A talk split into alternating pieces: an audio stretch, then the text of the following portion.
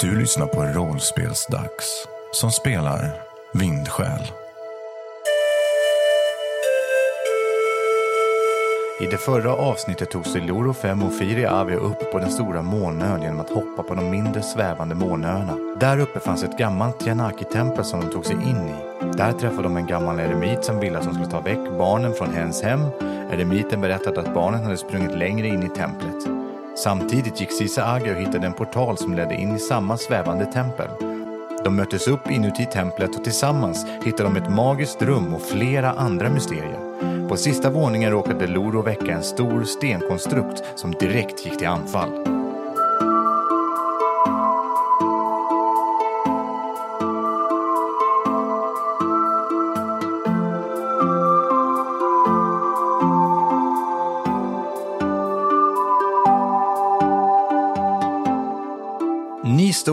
Här stora kvadratiska rummet upplyst av grönblått ljusslingor från alla hörnen som går runt omkring.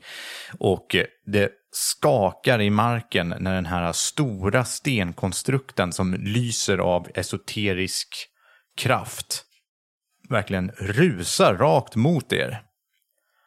Den eh, har komplicerade mönster i sin eh, kropp som lyser genom, alltså ovanpå stenen. Och inuti mitten av torson kan man säga så lyser en stor esoterisk kristall. Men den har ju skiftat ljus till rött som de andra har gjort. Och går till direkt attack mot er. Detta på grund av att eh, Loro 5, du eh, ropade högt. Eftersom det var någon där, eller hur? Mhm. Och om inte jag redan står längst fram så ställer jag mig längst fram nu. Ja, du står längst fram. Och lyfter handtaget på svärdet så att det vilar mot min axel. Och ställer mig i attackstance. Vi måste fly! Kom! Men barnen var här nere, va? Uh, ni misstänkte ju det. Ja. Vi kan inte lämna barnen, Cissi. Firi, Mm. du känner att någonting vill dig illa. Du är rätt säker på att det är kon- stenkonstrukten. Hur högt upp är vi? Det var ju, stod vi i en trappa som ledde in till den här stora salen, eller hur var det? Ja, ni har ju gått ner för trappan i den här stora salen. Ni står ju precis nere vid foten av den här stentrappan i det här stora rummet. Och den här springer rakt mot er. Den är framme om några sekunder. Okej. Firi, om du springer vänster och Cissi höger så kan ni kolla efter ungarna medan jag uppehåller den här stenbjässen. Jag tänker att jag lite halvt på reflex försöker eh, skapa en portal mellan oss och den här stenbjässen. Så att den springer in i, i den och försvinner. Det är ett svårt slag med en hög risk. Du får minus tre tärningar på detta. Då rullar jag mina två tärningar nu då. Nej, Inte det? Nej, men eh, då är det väl... eh, Oj. Firiave, du försöker göra ditt bästa för att skapa en portal, men kanske är det för att det går så fort, du hinner inte riktigt förbereda dig. Eh, och den här stora väktarkonstrukten, den är ju väldigt otäck också och stressar dig. Du försöker skapa den här portalen, men någonting går galet. I och med att ni är på en så esoterisk plats så börjar ljuset runt omkring er. Den här stenkolossen är ju röd, ilsket röd, men du lyckas på något sätt störa den esoteriska magin på det här stället så att all belysning runt omkring slutar fungera och börjar istället blinka ilsket rött. Oh my god, du satte av alarmet. oj, ojsan. Och eh, ett meddelande på ett språk som ni inte känner till utropar någonting som ni inte förstår Det är ett alarm på riktigt. Och ja, det känns inte bra helt enkelt. Det, det känns som att du har startat någonting. Ska jag bara slå ett slag här för mig själv? Gud vad jag älskar rollspel. Nu ska vi se. Cise Age och Loro 5, vad gör ni? Jag eh, tar ett djupt andetag och inväntar att den ska komma nära så jag kan göra en undvikande manöver och börja attackera den. Mm. Och eh, vad gör du? Jag blir så rädd att jag fryser. Den här stenkonstrukten springer fram mot dig och lyfter båda händerna för att göra en krossande handling mot dig och din kropp, Lorofem. Du är ju den som går fram och tar liksom plats, eller vad man ska säga. Ja, ni är i strid. Den står och svingar och slungar stora eh, knytnävar mot dig, alltså, som lyser av esoterisk magi. Och du duckar och gör eh, undanmanövrar för att komma undan från den här. Vill du slåss med den alltså? ja. Jag eh, snurrar ut mitt svärd från axeln och snurrar det runt armen. Tar tre steg i en halvmåncirkelformad eh, manöver så att jag hamnar bakom den. Så att den slår slagen ner mot marken där jag inte längre står. Så att jag kan attackera den bakifrån.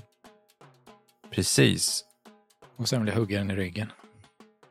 Eh, Allt det här ingår ju i ditt slag helt enkelt. Det är en medelrisk att slåss mot den och den har motstånd 5. Du måste komma upp i fem motstånd för att kunna besegra den här. Så rent regeltekniskt så betyder det att jag slår ett kampslag och använder fint som ger mig två extra tärningar. Så att jag ska slå åtta tärningar. Oj, okej. Ja, du behöver komma upp i fem. Eh, jag behöver komma upp i fyra. För att om jag får fyra så gör min stor på revsvärdet en extra. Ja, just det. Svärdet är bra på det viset. Oj, jävlar vad bra jag slog. Femmor och sexor. Då har jag, då har jag fyra lyckade. Nej. Jaha.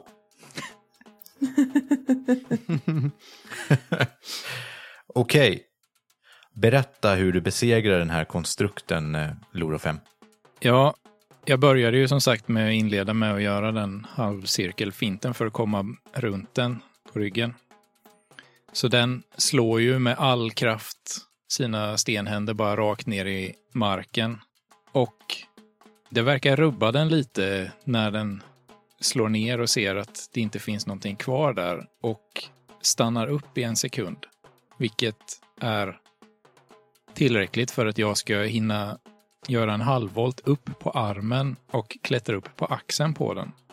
Så jag sätter mig på axeln och kör in eh, svärdet i en liten springa mellan den esoteriska kristallen som sitter i torson på den. Ja, just det. Bänder till den innan den har hunnit grabba tag i mig där jag sitter. Så att den lossnar. Du slår sönder och mer eller mindre bänder ut den här kristallen ur huvudet på den. Eller ur kroppen. Du gör detta och kristallen slocknar.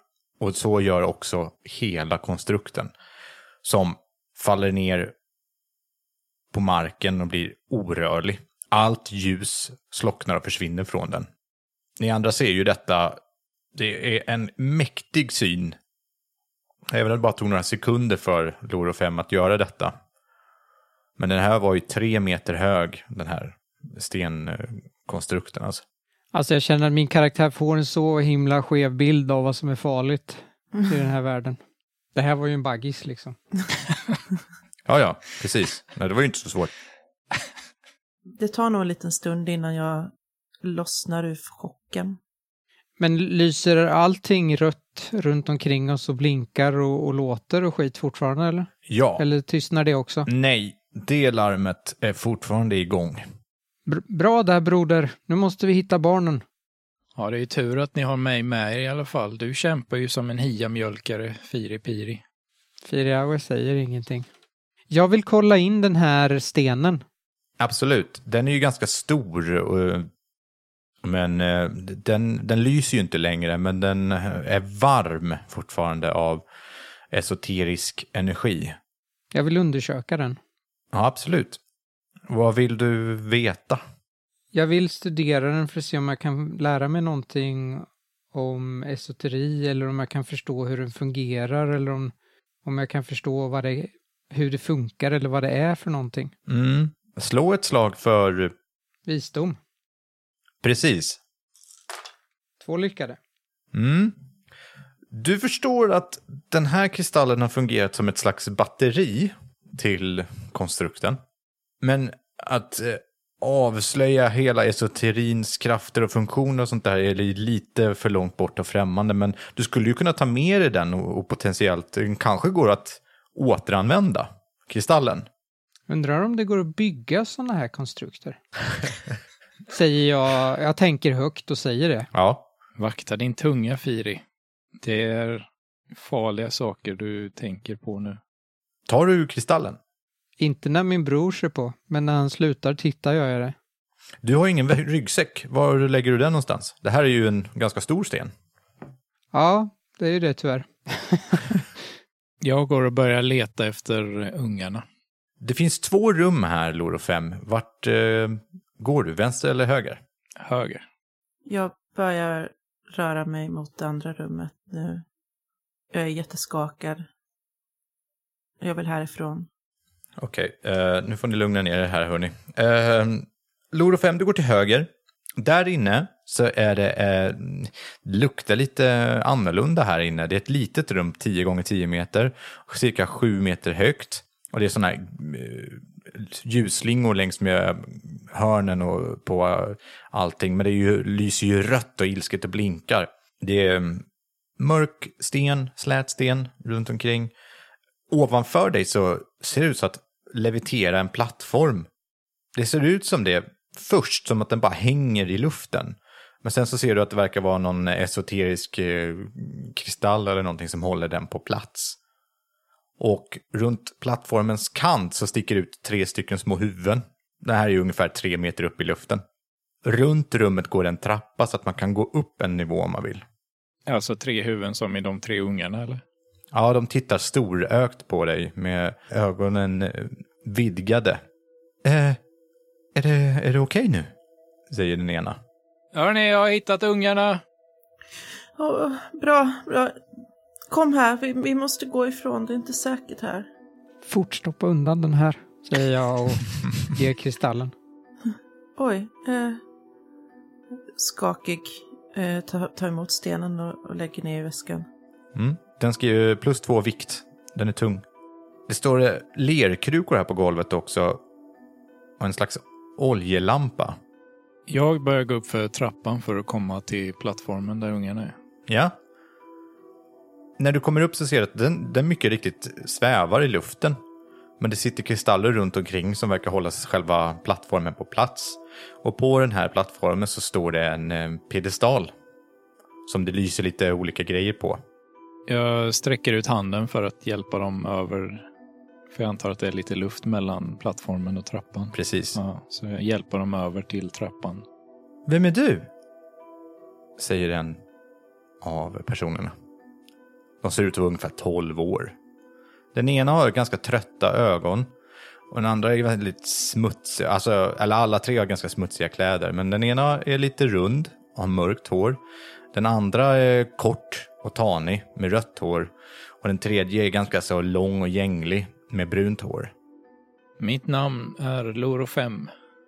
Vi skickades hit för att hämta hem er. Jaha, men vem har sagt att vi vill det då?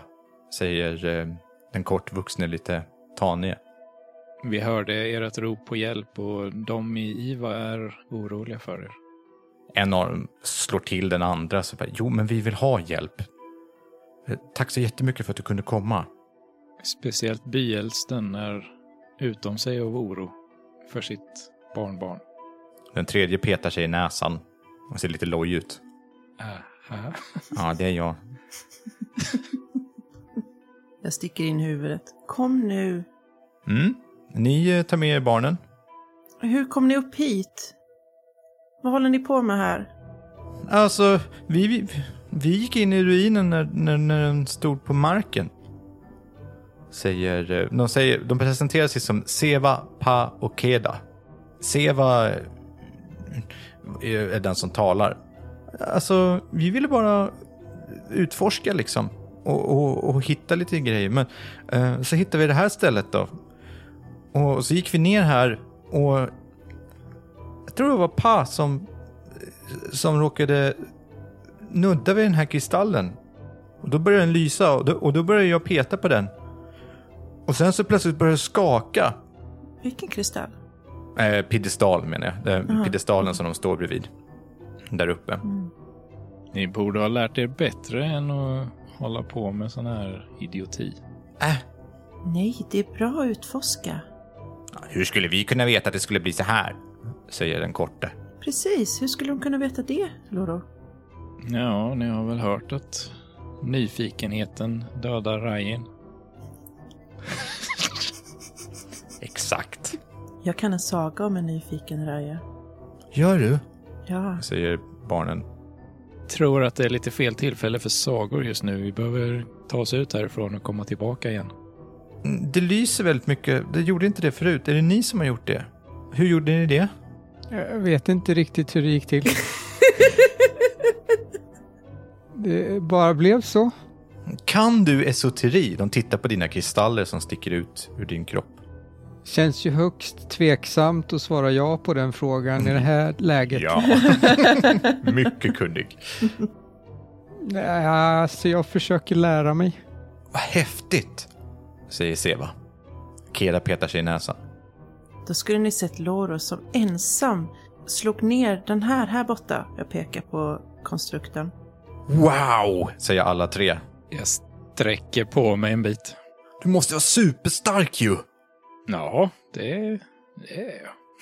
När jag blir stor ska jag bli lika stark som dig, säger Pa. Som var lite Ja. kaxig i början, men eh, nu verkar jag tycka att du är ball. Då eh, gör du rätt i att hålla dig till eh, traditionerna i ditt samhälle. Och där försvann all cool. Han bara, ja, okej. ja, det ska jag göra. Vad ska vi göra nu? Säger Seva. Vi ska ta oss härifrån. Det här röda ljuset, det, det är inte bra. Men hur ska vi komma härifrån? Ni känner hur hela den här äh, molnön börjar skaka. Okej. Det, börjar, det blir jobbigt att stå upp. På vilket sätt för att det skakar så mycket? Ni anar att det har med larmet att göra. Mm. Skynda er, vi måste upp till, till det här stora rummet vi var innan. Jag vet, det var dit jag kom när jag kom hit. Vi kanske kan ta oss därifrån. Skynda! Visa vägen. Jag springer först och börjar springa. Jag följer efter. Mm. Ni springer förbi stenkonstrukten, upp för trapporna, genom korridoren med det specifika mönstret som man var tvungen att gå på. Vi kommer till rummet som visade upp alla platserna. Är det den du ville till? Ja. Det var här jag kom ut. Jag, vi behöver någon sån här pelare som ni ser den där borta. Och en stor cirkelsten. Har ni sett någon sån barn? Eh, ja, säger Seva. Där nere där vi var. I det andra rummet. Jag vänder mig om och börjar springa tillbaka igen då. Ni springer tillbaks? Absolut. Okej. Jag följer efter. Det fanns ju en sån här piedestal på den här plattformen där barnen stod, för övrigt. Det sa jag. Ja. Mm. En likadan piedestal finns i rummet som är till vänster, Mm. som du var på väg till, men som du sen skippade eftersom du hörde röster och att Ja. Loro 5 ropade på barnen där. Där inne står det en sån här cirkel och en piedestal. Kom, här! Jag, jag ställer mig vid pedestalen och rör vid den. Jag gör det med. Vad är det här för något? Den lyses upp och det rör sig lite symboler som ni inte känner till. På en plattform som är två och en halv meter hög med trappor runt omkring så finns den här stenringen. Det är, det är som en dörr, man går igenom den och så kommer man ut någon annanstans. Har vi inte lärt oss idag att vi inte ska bråka med Tiranaki-ruinerna? Det är farligt där. Men vi bråkar inte, den hjälper oss. Hur vet du det? Den hjälpte mig hit. Är du ens säker på att det var den som gjorde det? Vem vet hur de här sakerna fungerar? Var inte så orolig. Kom nu. Jag är inte orolig. Jag vill... Jag är försiktig. Jag kan gå först om du är försiktig. Nej, nej, inget sånt. Jag går först. Alltså, det var inte den här vi rörde när vi råkade få hela ruinen att börja flyga, säger Seva. Det var den andra piedestalen. Va? Var det ni som... Va? Hur? Men vi rörde ju... De sa ju det, att de Ja. berättade att de hade petat på en piedestal så hade den börjat skaka och börja flyga. Ja, jag lyssnade inte så noga. Nej, jag förstår det. Det är bara barn, vad har de att säga? Tror ni att det går att sänka ner den igen då? Nej, vet inte. Vi kan inte, vi kan inte ta sådana chansningar. Tänk ifall eh, den flygande ön har ställt sig ovanför Iva och ni får för er att sänka ner den bara rätt över byn. Det har du rätt i, Loro. Vi måste ta oss härifrån först och främst. Kolla om du ser någonting genom dörren. Mm, du vet ju att eh, ni ser ju bara väggen på andra sidan. Du, Sisagi, du vet ju exakt hur den ska se ut när den fungerar. Mm. Peta lite till på den här piedestalen. Du får slå för att aktivera den. Ja. Visdomsslag med låg risk motstånd 1. En lyckad. Mm. Den startar och portalen tänds upp med ett ljus. Hela cirkeln börjar fyllas med ljus och på andra sidan kan ni se den här klippavsatsen som du klev in i genom Sisage. Den här um, överväxta fyrkanten mer eller mindre. Fast åt andra hållet. Du gick ju in från ett håll, så nu ser du ut ur den kan man säga. Se, det är en dörr. Det, det är säkert. Ja, men du kan ju omöjligt veta vad den går till eller hur den fungerar eller vad den gör med oss. Jag känner igen platsen, det var där jag steg in. Nåväl, barnen måste räddas. Jag går igenom. Det pirrar till lite grann när du rör vid den här. Vill du bara gå rakt igenom eller vill du röra vid den först? Nej, jag går rakt in. Ja, det pirrar till i hela kroppen när du går igenom och plötsligt så står det på en helt annan plats där det skakar ingenting. Jag gör ett tecken mot mina förfäder. Ja, jag tänkte säga, jag följer efter. Och så leder jag ut barnen så liksom en i taget. Och så går jag ut sist. Vad tar ni er till? Följ med, det är inte säkert här längre. Det finns en massa konstiga stenvarelser som slåss. Ja, men den ska... Han, han ser ganska skärrad ut för det skakar kraftigt och det börjar lossna stenar och grejer från tak och golv här. Kom gamle man. Ja, ja. Han går in portalen också. Och när alla har gått igenom så går jag också. Du kommer ut, eller ni kommer allihopa ut, säkert nere på marken. För majoriteten av er på en plats som ni aldrig har varit på, förutom Sisage. Ni ser hur molnön långsamt, men i en ökande takt börjar falla mot marken. Som att den ska falla men inte riktigt får full fart på en gång, utan faller bitvis. Stenar lossnar och runt omkring de små molnöarna så lossnar de och slut, bara, de bara slutar att sväva runt omkring och bara faller med stora höga dunsar runt omkring till marken. Eh, Det råder viss panik. För ni ser också att vissa av de här är i närheten av byn Iva. Och hela den här kolossen till Molnö drösar ner i marken ovanpå vattenfallet nej. och fastnar nästan som en kork så det blir som en damm mitt i den här vattenfallet. Och för, ja, här ser ju inte ni eftersom det är så långt upp. Men det faller ner ovanpå Iva ser det ut som. Kom, vi måste skynda oss till byn ifall de behöver vår hjälp. Ja, Jag börjar springa. barnen springer med er.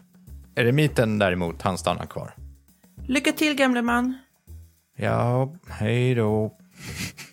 Som jag i och för sig inte träffat innan så jag har ingen aning om vem han är. Nej. Du har aldrig träffat honom, det är bara snäll. Total främling. Han har också aldrig träffat dig och verkar vara jävligt avslappnad med det. Ja, ja, hej då. Så det kan gå. Mycket konstigt har vi sett den här dagen. Ni springer iväg. Allt vad ni kan för att komma, till, för att komma tillbaka till byn Iva. När ni kommer fram till byn så ser ni att det är full panik där uppe. Folk springer runt omkring. Ni ser att vid ett tillfälle så har en av de här molnöarna nästan mosat ett av en av bybornas hus. Och eh, den här stora molnen med templet på har fallit ner i vattenfallet och nästan korkat igen det, så det råder en viss översvämning runt omkring. Och folk springer fram och tillbaka för att ja, hälla ut vatten och, och fixa till och göra i ordning det så att säga, så att det blir bra. De försöker rädda eh, mat och sånt, för det har ju sköljt bort en hel del och så. Men det är inte stenar som faller på byn längre. Nej, de lossnade ju på en gång och sen så brakade hela den här ner så att säga. Majoriteten av månen har ju liksom försvunnit ner i den ganska kraftiga floden som är där. Och ruinerna har gått sönder. Av det fallet antagligen. Och eh, det har bildats en ganska stor jordig stenö i mitten av vattenfallets eh, flod. Och nu går rinner vattnet runt hela den här platsen istället. Så det har blivit som en liten konstig ö. Vi måste hjälpa dem på något vis. Gör ni det? Hjälps ni åt med att skyffla vatten och försöka kolla om det är någon som har skadat sig och sådana här saker? Precis. Jag kollar efter någon som har skadat sig. Vad gör du för något i Firi? Jag funderar ju snarare på om det går att, att plocka bort stenen som fungerar som kork. Var inte det hela jätteön? Oh, det, det är nu... Nej, tror jag att jag vågar, nästan vågar. Man ska inte säga nej som spelledare, men den är alldeles för stor. Ja, nej, var det så stort så tänker jag nog inte så.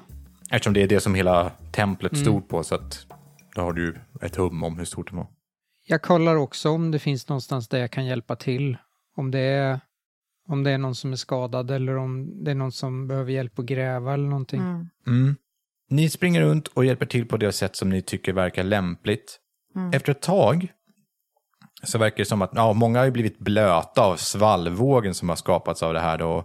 Byggnaderna är blöta och lite lerstänkta och sånt där. Men otroligt nog verkar de flesta av invånarna ha klarat sig bra med, med klar- klarat sig undan med någon stukning eller någonting sånt. De räknar. Eh, Nanhina räknar. Eh, ett, eh, två, och så räknar hon alla invånarna. Och sen så ser hon ju när ni kommer. Åh, vad bra att ni är här igen! Och ni har tagit barnen med er. Så bra. Ja, självklart. Hon är alldeles nedstänkt med lera och vatten. Men verkar inte så brydd. Nanhina, finns det något vi kan hjälpa till med? Ah, eh, hjälpa till? Men vadå? Byn? Jag tittar mig omkring. Hon tittar sig omkring. Jaha, ja, du menar eh, med stenen? Ja, Det var otur att den trillade ner här. ja. Men ingen är skadad. Vilken tur! Det är bara lite vatten. Det är nog bra. Och ni har ju hittat barnen. Åh, Seva och Pa och Kena. Hon böjer sig ner och kramar om dem alla tre. Alla springer fram till henne och verkar tycka väldigt mycket om henne. Jag vill nästan springa fram och krama henne också känner jag. Var har ni varit? Ja, de börjar prata i munnen på varandra och berätta vad det var som hände. Och det är inte riktigt någon ordning, utan Pa tycker det var coolt att eh, eh, Loro 5 hade slagit sönder stenkonstrukten och alltihop. Och hon börjar gå mot eh, tehuset med dem efter sig. Vad det får ni berätta om er. Nu, nu ska vi se här. Eh, gå och sätt er och, och, och säg åt eh, Roha att han ska göra i ordning lite te. Så ska ni få berätta alltihop för mig. Och de pratar, fortsätter bara prata hela tiden i mun på varandra, men de går iväg också. Eh, och sen går Nanhina tillbaka till er. Ni har varit så duktiga! Några av byborna ser lite mer irriterade ut. och någon muttrar väl, har inte så... Försöker inte ens dölja liksom. Mm, och vi kunde ha dött allihopa också, men eh, visst. Men, men faktum är att Nanhina tar över och, och dämpar, höjer handen lite grann och säger här, nu är det så att det var jag som skickade iväg de här tre, att de skulle söka upp barnen och försöka få tillbaka dem. Jag är säker på att de gjorde sitt allra bästa och att det här var någonting som de inte kunde undvikt. Det gjorde vi faktiskt. Jag bugar mig. Och dessutom, det är bara lite vatten. Det går bort. Nu ska vi ha fest! Säger hon. Och några blir glada. De andra är kanske lite fortfarande i chock över vad som har hänt för någonting. Och eh, tycker kanske att... eh, Ja, de förstår inte riktigt vad det är som har hänt, men kanske var det till det bättre att allting gick i stöpet och gick sönder, så att säga. Kom! Ni får berätta vad det var som hände. Cissi har redan filat på en episk saga om hela händelseförloppet som framhäver oss som modiga, speciellt Cissi som inte alls var modig. Då tycker jag att du ska slå för det. Ja. Ni går in i tehuset och sätter er ner och Sisagi börjar återberätta vad som har hänt för någonting. Berättar du om allt? Alltså rummet som visade rum och plats, eller ru- rummet som visade platser.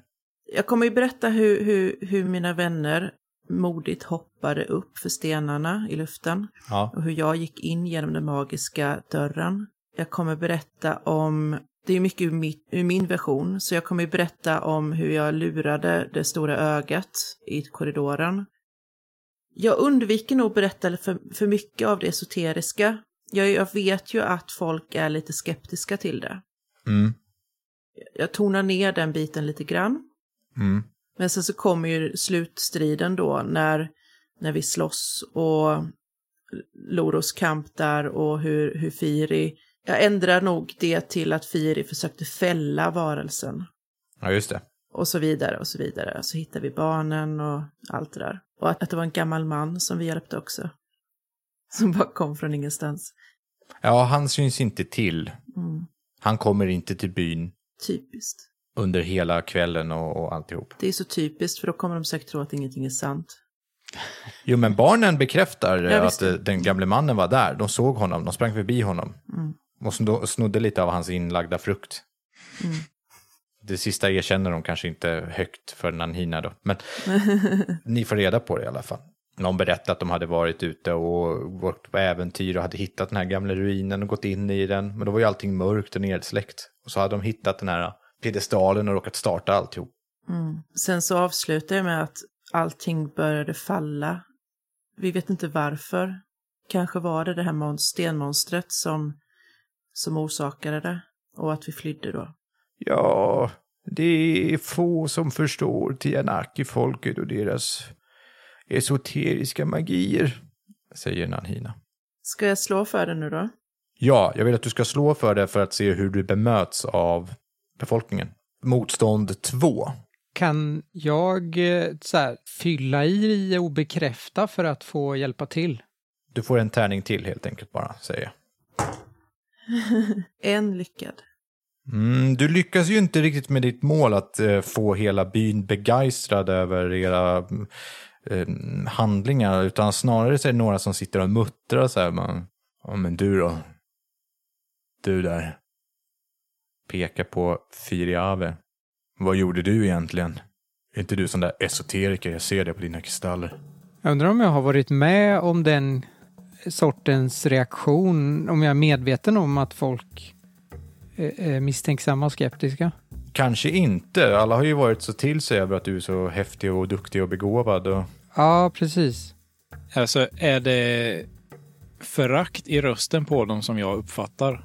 Ja. ja, ja, ja, absolut. Och Firiave, du känner att de här människorna vill inte dig väl. Jag blir ju lite förbluffad. Jag har aldrig varit med om något liknande. Så jag vet nog inte vad jag ska säga eller hur jag ska reagera. Jag spänner blicken i den som säger Ville du något eller? Han eh, tittar ner i golvet och säger nej. Nej, jag visste inte. Ditt svärd är ganska skrämmande tror jag för folk som inte kanske känner dig. Nej, Jag lägger en lugnande hand på Firis axel. Nej, jag tänkte väl det. Sen sätter jag mig ner. men du ser hur några andra bybor börjar prata och liksom nicka lite instämmande med personen som just yttrade sig. Jag sätter mig lite närmre min bror. Så, så, så, nu ska jag ta det lugnt. Har jag berättat om när jag var barn och jag hade en häftig upplevelse med en, en, en fisk? Jag vänder min uppmärksamhet mot Nihana och lyssnar andaktsfullt. Ja, Nanhina berättar en historia som intresserar byborna ganska tydligt. Och ni märker ganska snabbt att hon drar lite paralleller i sitt berättande om liknande händelser i sin historia. Med att ibland så händer saker som man inte har förmåga att påverka. Och ni slås av, om ni haft tanken innan, att Nanhina är kanske inte så dement och konstig som hon först tycks vara. För hon lugnar situationen med byborna med sin historia. Och hon blinkar lite med ena ögat mot Firiave efter sin historia. Det känns tryggt. Jag måste bara säga att hon är min största idol. När Cici blir gammal vill hon bli som Nanhina. Ja, och teet det bjuder jag på, säger Roha plötsligt vid ert bord.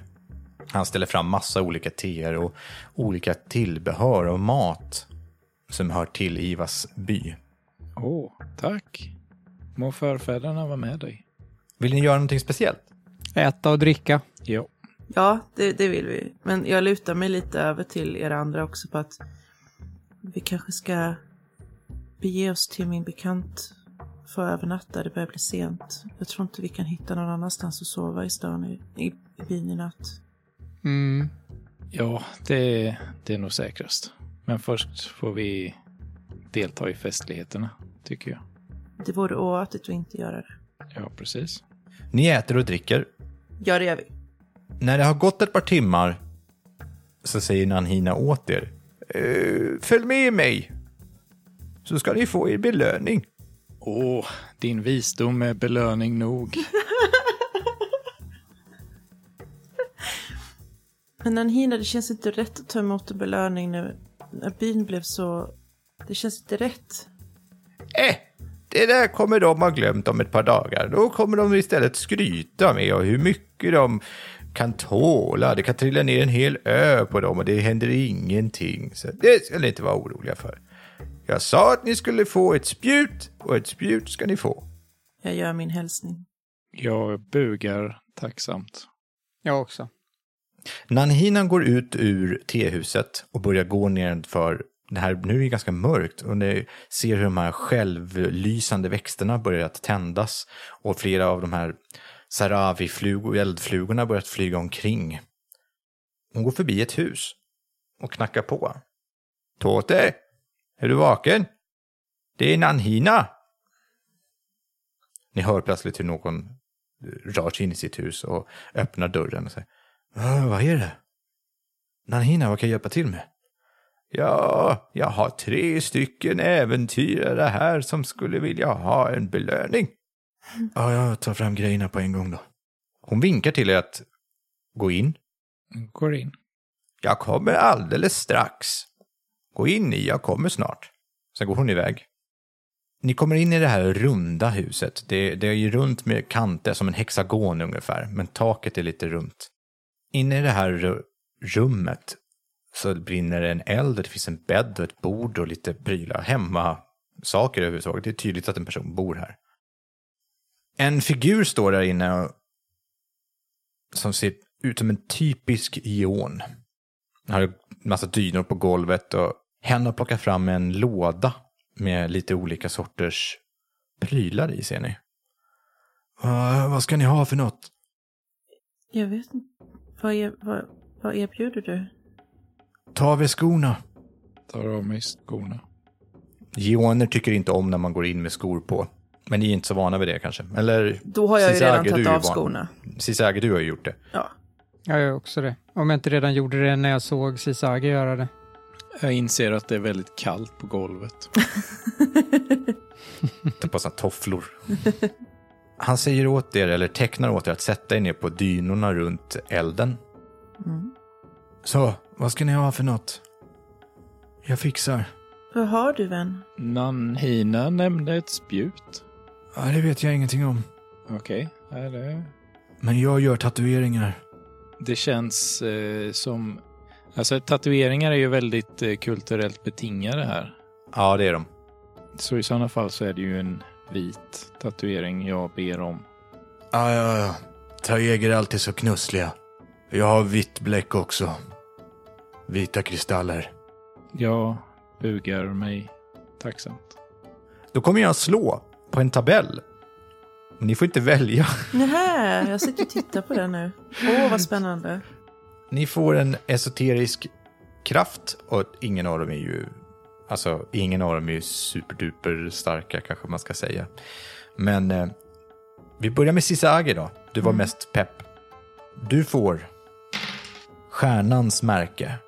Du har plus ett på att motstå esoteriska influenser. Okej. Är ju tokbra ju. Ja. Var får jag den någonstans? Det kan du få bestämma själv. Ja, då slår jag för det. Ja, vem ska ha nu då? Det här tar ju ett tag. Jag vill. Ja, ska vi se. Han gör några, massor av olika sorters ritualer mellan och innan han knackar in. Han har ju såna här pin, två pinnar som han slår mot varandra så han knackar in de här tatueringarna i er. Firi, du förstår ju att det här har med esoterisk magi att göra på något sätt. Eller så är det nog kanske kristallerna som han etsar in i kroppen på er. Mm. Som gör, alltså, det han gör är ju egentligen det som du gör. Du har stora esoteriska kristaller i dig. Det här är liksom små söndermalda esoteriska kristaller. Så egentligen är det samma sak. Fast i, i fin form så man ser dem knappt för att de är så små kristallerna. Du får Favens märke. Plus ett på att skymta saker. Du kan ju slå för placering också. Mm. Jag gjorde det. Jag fick den på ländryggen så jag fick ett tramp stamp. Tramp stamp. Och till. Ska Du vet en sån där esoterisk tatuering som man ångrar när man är äldre.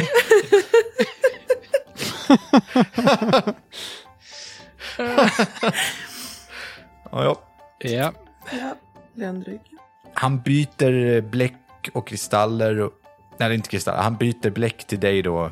Ni andra, ni får ju de här i Geons vita färg. Mm. Bara så ni vet.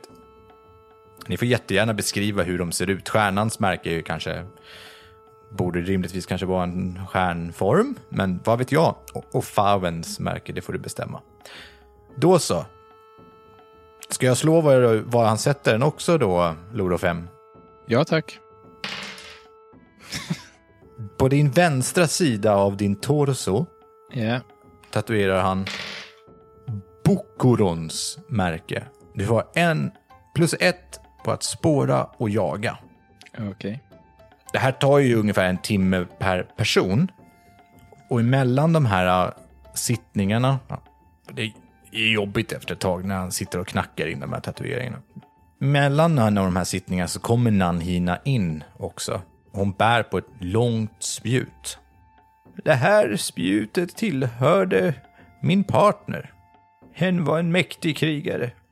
Det känns inte mer än rätt att ni ska få det. Förfäderna hade velat det. Med all respekt, det är alldeles för mycket. Inte då. Jag är så tacksam och det kommer de andra i byn att vara också när de väl har hunnit smälta hela situationen. Jag tar vördnadsfullt emot det och bugar mig djupt. Förfäderna var med er. Ni får ett spjut med egenskapen effektiv. Jag vill ju påpeka också att under hela tatueringssessionen så sitter jag och ställer frågor om hur det funkar med att tatuera in esoteri. Ja, hen svarar så gott eh, hen kan. Men alltså, jag bara tar esoteriska kristaller och maler sönder dem. Och sen tatuerar jag in det. Det är dyrt. Svårt att hitta. Men hur funkar det? Hur vet du vad som händer med dem sen? Men vad? Vad, de, vad, vad får de för effekt? Det vet jag inte. Det är olika varje gång. Vart kommer de ifrån? Tatueringarna, de kommer från mig. Det är jag som gör dem. Nej, nej, kristallerna. Aha, eh, det vet jag inte. Jag brukar köpa pulvret av eh, de som går förbi. Går det att mala vilken kristall som helst? Han rycker på axlarna. Ja, antar det. Skulle väl kanske gå.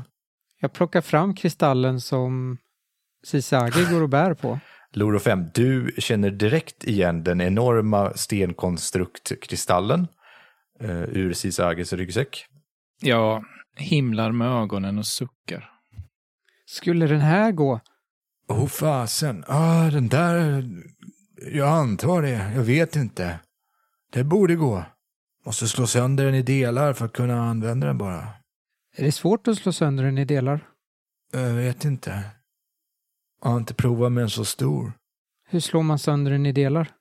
Jag brukar ta två stenar och kasta på tills den går sönder i delar. Och sen tar jag en vass sten och slår mot den. Sen tar jag små flisor och maler sönder dem mellan två platta runda stenar. Tills det bara är grus. Bara grus kvar. Får jag prova? Ja, gör det. Då sitter jag ju och maler ner den där medan han tatuerar de andra. Den här jättestora kristallen. Ja, jag kanske inte orkar. Jag har nog inte tålamod. Han, eh, han, säger han förklarar att det där kommer ta skitlång tid om du ska använda den där. Utan han har, visar några lite större, fast väldigt små flisor. Så, Mm. Och så är det två stenar som är ungefär handflatstora som han vrider mellan för att det ska bli liksom mer pulver. Så du kan ju sitta och, och hålla på med det. Jag gör det, nej, jag gör det med den stenen, men jag, jag lämnar väl det som jag inte orkar med. Mm. Du inser ganska snabbt att den är på tok för stor eh, att göra det med. Ja, så jag tar, jag tar en, jag slår sönder den i delar och så tar jag den delen som jag känner jag orkar med. Du går alltså ut efter att du blivit tatuerad och går och slår sönder din kristall. För att han har typ sagt att han kastar den mot stora stenar tills den går sönder. Ja, Det är ganska primitivt, får vi komma ihåg. Legenden om han som tatuerade in sin fiendes hjärta. Lång titel. Innan jag går därifrån så vill jag ju veta vad det är man använder för att tatuera också. Om det bara är nål eller hur, fun- hur det funkar. Det ser jag ju kanske.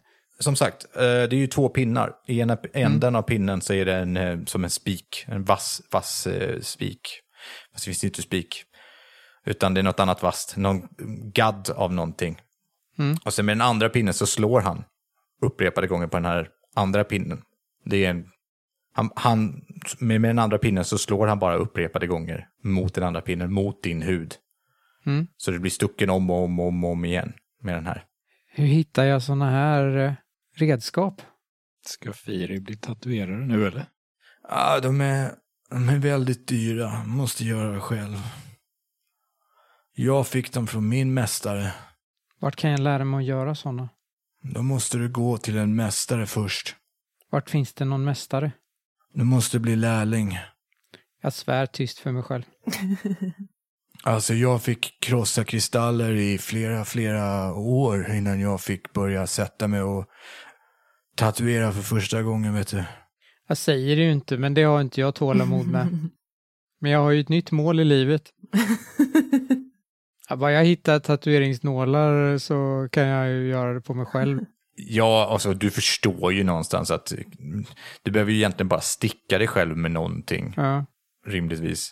Men det, de nålarna är väl esoteriska kristaller? Är det någonting som jag skulle kunna tillverka? Jag är ju hantverkare. Men var du hantverkare i det? Nej, men eh, jag är händig för det. Ja, okej. Ni får inte sitta och tillverka egna tatueringar och bara göra det en hel session. Jag tillåter det bara inte. Går inte. Men vi har ju en stor esoterisk kristall. Får jag inte försöka i alla fall? Eller kanske... Jo, men kanske är det just att man måste få till en bra kristall och sådana grejer som gör att det är svårt. Ja, men jag kan nog tänka mig att det är ganska svårt att göra en sån. Hej och välkommen till eh, Hantverkspodden, där vi pratar om hur man gör saker. Eh, ja, men det är väl klart att ni eh, får. Jag tänkte att det skulle vara mer fokus på själva spjutet. Och, men, ja. eh, Nanhina går. Eh, Ja, just det. Ja, men jag vill ju inte testa att använda svinga spjutet någonting när hon fortfarande är i närheten. Det känns oartigt. Så jag vill ju vänta tills hon har gått och sen gå någonstans där det finns lite utrymme och känna på spjutet så att säga ja, men hon sitter där en stund, men sen så avlägsnar ju hon sig och säger, tackar återigen för er hjälp och går och lägger sig. Ni håller ju på ett par timmar totalt med det här. Jag frågar ut tatueraren om hans livsberättelse. Han berättar att han var jättedålig på allt möjligt i sitt liv, men var bara bra på att tatuera och rita och måla och sådana här saker. Så att då visade det sig att han lyckades få eh, lärlingstjänst hos sin mästare som bor uppe på ett berg långt härifrån. Och var tvungen att vara där i flera år. Ett berg? Ja, högt, högt upp var det. Det låter spännande. Åt vilket håll? var mest jobbigt faktiskt. Vilket håll. Du vill så gärna bli lärling. Fan vad jag känner att det här blev eran äventyr plötsligt. Tack för din berättelse. Borta i, på toppen av det nordliga berget var Honali. Där var jag lärling. Ni inser att det är ju Taego, där ni kommer ifrån. Ja. Loro 5, det är ju Taego. Kan vi inte gå dit? Var det inte Honali vi kom ifrån? För att det passar ju bra i sådana fall. Vi känner tatueringsmästaren. kan vi inte gå tillbaka dit? Jag vill se om det går att göra en tatueringsnål. Han måste göra sin tatueringsnål uppe på berget. Du ser, Loro 5, vi måste dit. Det är bara där det går att göra en tatueringsnål. Pirifiri. Vart är vi på väg någonstans? Taego? Ja, precis. Yes!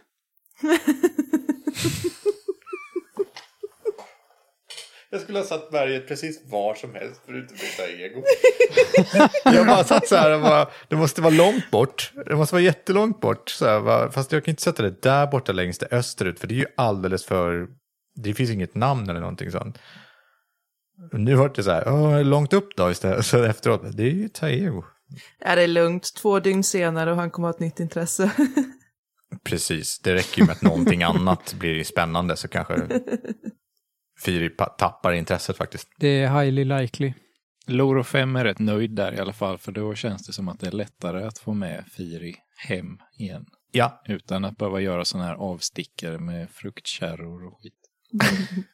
Jag beger mig för att leta upp min vän. Så jag kommer tillbaka här när jag har hittat min vän. Okej. det är ju mitt i natten nu. Ja. Du menar att du ska gå dit ensam? Ja, det menar hon. Så, ja, ja, jag ska bege mig. Sisage, du går ut ur tatueringshuset och börjar gå mot din väns hus. Du minns väl att det var väl inte på så jättegod fot sist? Du skulle ju hjälpa till och stack. Ja, men har frågan är ju hur mycket jag har reflekterat över det då jag förmodligen drog iväg på grund av att någonting fick mitt intresse.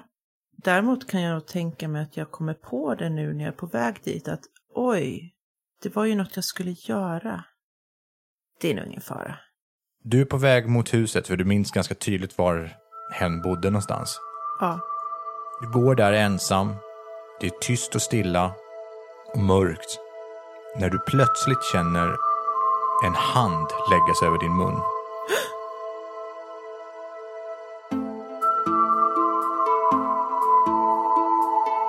Du har lyssnat på Rollspelsdags som spelat Vindsjäl.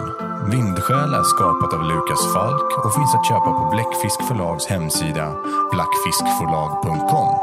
Glöm inte att också spana in deras andra rollspel. Följ oss gärna på Instagram, Facebook och Discord. Sagan fortsätter i nästa avsnitt.